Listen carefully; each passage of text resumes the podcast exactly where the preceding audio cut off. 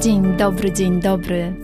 Witam Cię w moim podcaście Więcej niż fotografia, czyli idealnym miejscu dla osób, które kochają fotografię, ale niekoniecznie wiedzą, jak się za nią zabrać. Jeśli szukasz inspiracji, konkretnych wskazówek, motywacji i wiedzy przekazanej w bardzo prosty sposób, to ten podcast jest właśnie dla Ciebie. A ja jestem Basiolandia, czyli Basia. Jestem tutaj po to, aby dzielić się z Tobą moją wiedzą i doświadczeniem. A w głębi serca mam nadzieję, że jeszcze bardziej rozkocham Cię w fotografii.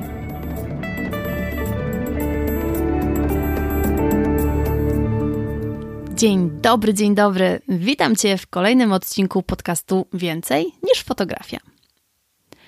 Jeśli myślisz, że do sesji dziecięcej trzeba dużo cierpliwości, to to może oznaczać tylko jedno: że jeszcze nigdy nie robiłaś sesji dziecięcej ze zwierzakiem. Ja osobiście uwielbiam takie połączenia, ale z doświadczenia wiem, że to spore wyzwanie i wiele osób po prostu boi się takich sesji, zupełnie myślę niepotrzebnie. Bo to podobnie jak w innych sytuacjach, trzeba wiedzieć, jak to zrobić, jak się przygotować, na co uważać, i wtedy tak naprawdę nic nie stoi na przeszkodzie, żeby taką sesję wykonać. I właśnie o tym będzie ten odcinek podcastu. Więc jeśli taka tematyka Cię interesuje, to kubeczek ulubionej herbaty i zapraszam Cię do słuchania. Zacznę może od tego, że ja podczas mojej pracy miałam przyjemność fotografować podczas sesji rodzinnych czy to dziecięcych dzieci z różnymi zwierzakami. Począwszy od takich maluszków, jak jakieś kaczuszki, e, kury, króliki, poprzez takie większe zwierzątka typu koty, psy, owieczki, kozy i takie większe gabarytowo jak alpaki, krowy i konie. A z ciekawostek powiem, że teraz mam wstępnie umówionego wielbłąda. I jeszcze marzy mi się taki duży miś. Ale to trzeba się będzie wybrać chyba do Rosji, więc pomyślimy, zobaczymy. Nie mówię nie. Więc jak widzisz, mam spore doświadczenie w pracy ze zwierzakami na sesji i chcę się dzisiaj właśnie nim z Tobą podzielić. Pamiętaj o tym, że wiele osób traktuje koty lub psy bądź inne zwierzątka jako równoprawnego członka rodziny i zupełnie naturalne jest to, że chcą, aby to zwierzątko było z nimi podczas sesji zdjęciowej, bo chcą, żeby było z nimi na tych zdjęciach rodzinnych i to jest według mnie naprawdę, naprawdę fajne. Bardzo często jest też tak, że zwierzę jest najlepszym przyjacielem człowieka, więc taka sesja, w której właśnie uwiecznimy tą przyjaźń, będzie niesamowitą pamiątką. Ja miałam taką fantastyczną sesję zdjęciową pewnej niesamowitej dziewczyny i jej konia to, co było na tej sesji, to jaka między nimi jest więź, jak oni na siebie patrzyli, jak oni byli po prostu jednością w tym wszystkim, to jak dla mnie było doskonałe połączenie dusz i nawet jak teraz pomyślę o tej sesji i przypomnę sobie te zdjęcia, to mam ciarki. Jeszcze bardziej ta historia mnie porusza z racji tego, że, że niestety y, ten koń odszedł i wiem, że te zdjęcia nabierają teraz jeszcze większej wartości, więc uwiecznienie tego, co było między nimi, to jest bezcenna pamiątka.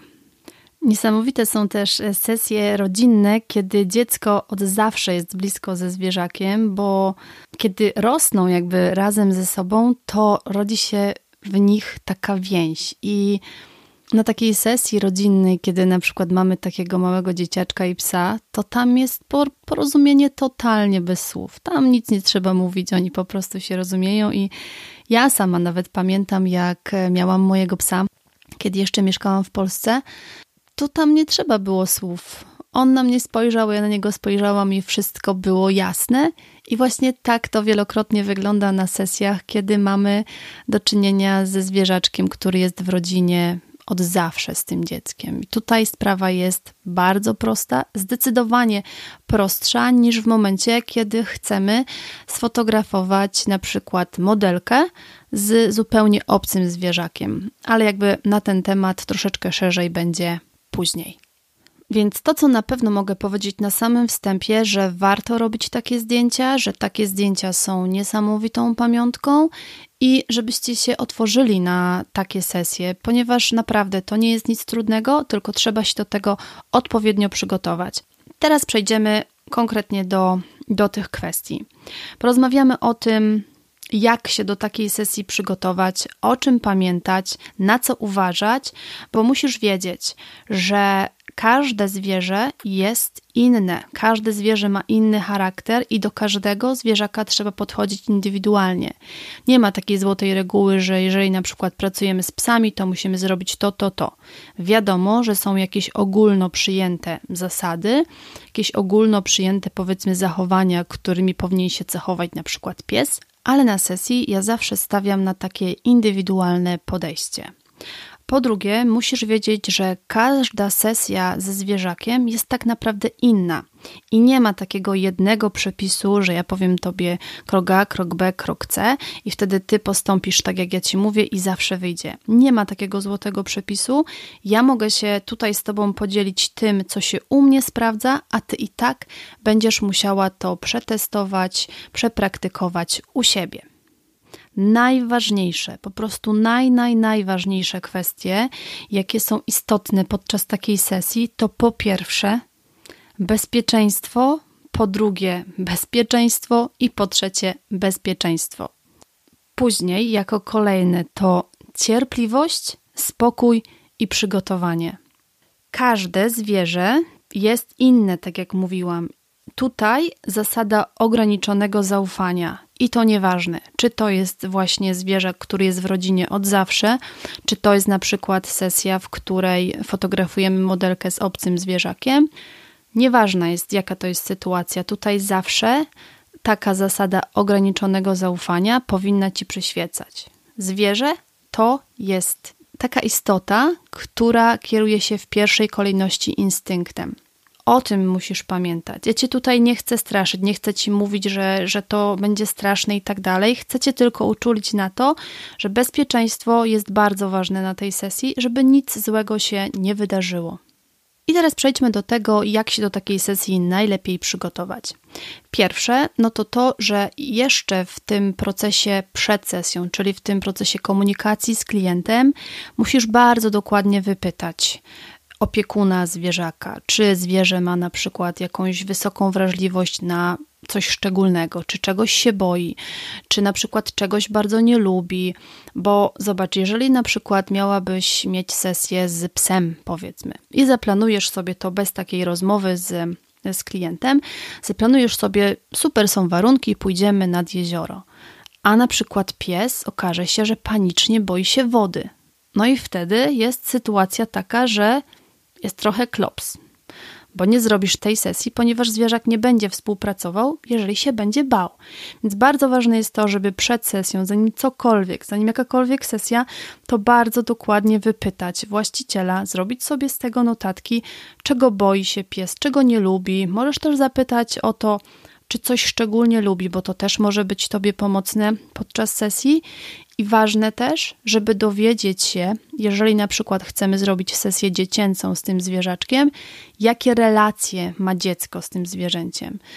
Bo wiecie, bywa różnie. Niektóre dzieci po prostu uwielbiają to zwierzę, a zwierzę niekoniecznie i musicie o tym wiedzieć, tak? Bo to wszystko, czego dowiecie się wcześniej przed sesją, przyda Wam się w trakcie sesji i to jest jeden z tych bardzo ważnych składowych elementów przygotowania. A przygotowanie jest tutaj naprawdę, naprawdę kluczowe. I teraz ważna kwestia. O tym, o czym już wcześniej wspominałam. Inaczej będzie na sesji, którą właśnie robisz mając dziecko i własnego zwierzaka, czyli tam już mamy więź i wiemy, jak oni na siebie reagują, a inaczej będzie w sytuacji, kiedy chcesz wykonać właśnie sesję zdjęciową modelki z zupełnie obcym zwierzakiem. Wtedy też na tym etapie komunikacji musisz się dowiedzieć, czy modelka nie boi się jakiegoś zwierzaka, żeby nie było sytuacji, że nagle zorganizujesz konia czy jakiegoś psa i okaże się, że modelka albo boi się danego zwierzaka, albo nie daj Boże ma jakieś uczulenie, czy, czy cokolwiek takiego, co ci przeszkodzi. Więc komunikacja na każdym etapie jest ważna, a tutaj szczególnie właśnie przed, żeby wszystko ustalić przed, żeby ograniczyć do minimum jakiekolwiek błędy, bo jeżeli dowiesz się, no to nie popełnisz po prostu tych błędów podczas sesji. I teraz wracając do tej zasady ograniczonego zaufania.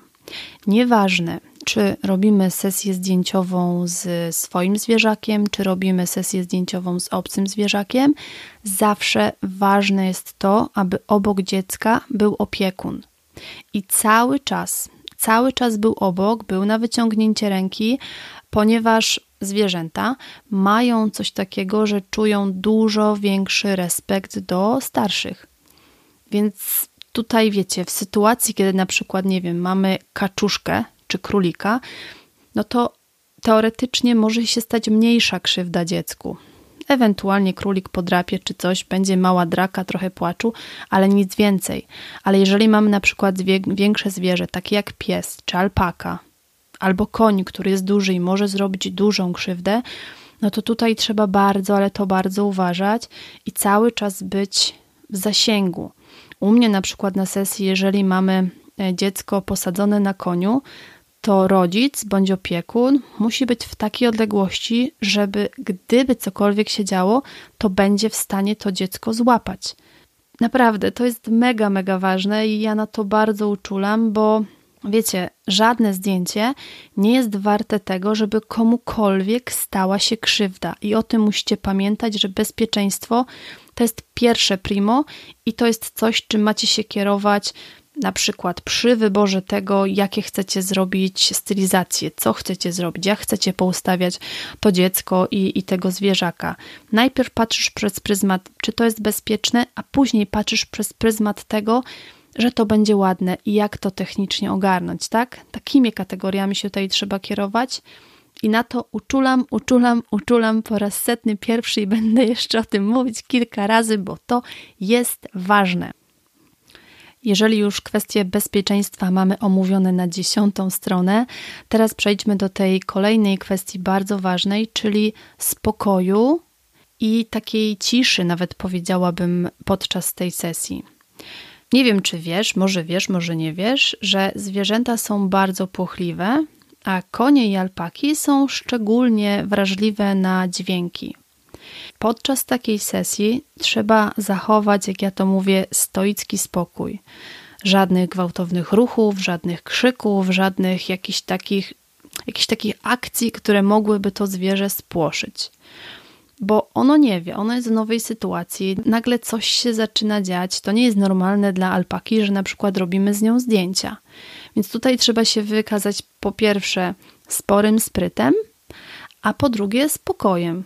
Ja zawsze mówię, że trzeba wykonywać takie trochę kocie ruchy, takie, które nie są takie gwałtowne, bo wtedy zwierzę się na przykład boi, że coś mu chcemy zrobić, chcemy je uderzyć, chcemy czymś rzucić w jego kierunku i po prostu najzwyczajniej w świecie się spłoszy, a tego nie potrzebujemy. Więc spokojne ruchy, cichy, taki, taki delikatny ton głosu, a jeszcze lepiej, ja właśnie preferuję taką metodę, żeby zanim zaczniemy robić jakieś zdjęcie, zanim jakąś taką sytuację zdjęciową będziemy powiedzmy rozgrywać, to wcześniej porozmawiać z osobą, która będzie brała w tym udział. Czyli na przykład, jeżeli mamy dziecko i rodzica, to wtedy mówimy, że teraz będzie to i to. Postaram się na przykład, żeby dziecko tutaj usiadło, obok postawimy psa i będziemy próbować, żeby ten pies spojrzał na dziecko, tak? W sytuacji, kiedy mamy, wiadomo, swój pies, swoje dziecko, no to zacznie głaskać, przytulać tego zwierzaka i będzie fajnie, ale w sytuacji, kiedy będziemy mieć na przykład obcego psa, i obce dziecko, no to tutaj duża rola będzie po stronie opiekuna, trenera, tak? Bo to on będzie musiał zawołać psa w odpowiednie miejsce, żeby on spojrzał, albo ewentualnie wspomóc się będzie trzeba jakimś smakołykiem czy czymś takim. Więc warto to wszystko ustalić wcześniej, a nie w trakcie. Wiecie, na zasadzie, a może zróbmy tak, może zróbmy tak. No bo dzieci nudzą się szybko, ale zwierzęta nudzą się jeszcze szybciej, ponieważ to jest dla nich nienaturalna sytuacja, żeby stało nieruchomo i co? I, I, dla niego to jest dziwne. Tutaj trzeba wszystko wcześniej ustalić, i jeżeli już mamy tego zwierzaczka na planie, to po prostu działać. I chociaż tutaj w tej sytuacji słowo plan nabiera zupełnie innego znaczenia, to warto mieć taki nawet zarys, żeby to wszystko poszło sprawniej. W sytuacji, kiedy mamy na przykład swoje dziecko i swojego zwierzaka, to dużo prościej jest wykonać taką sesję, ponieważ to, co jest po naszej stronie, to to, żeby zapewnić im takie komfortowe warunki, czyli ciche, spokojne miejsce i dać im przestrzeń do tego, żeby, żeby się bawili, albo żeby na przykład dziecko przytulało psa.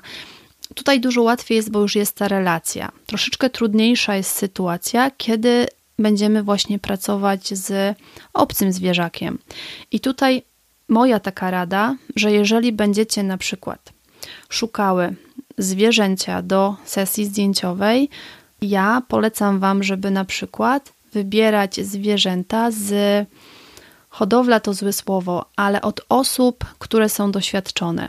Ja na przykład mogę Wam powiedzieć, jak e, podczas moich warsztatów e, fotografii dziecięcej, które prowadziłam w Norwegii, tutaj u mnie, miałam dwa psy i to były psy, które przyjechały z trenerką, z cudowną trenerką, i to były psy, które były przygotowane, które reagowały na komendy, z którymi bardzo fajnie się pracowało, bo one były tego nauczone.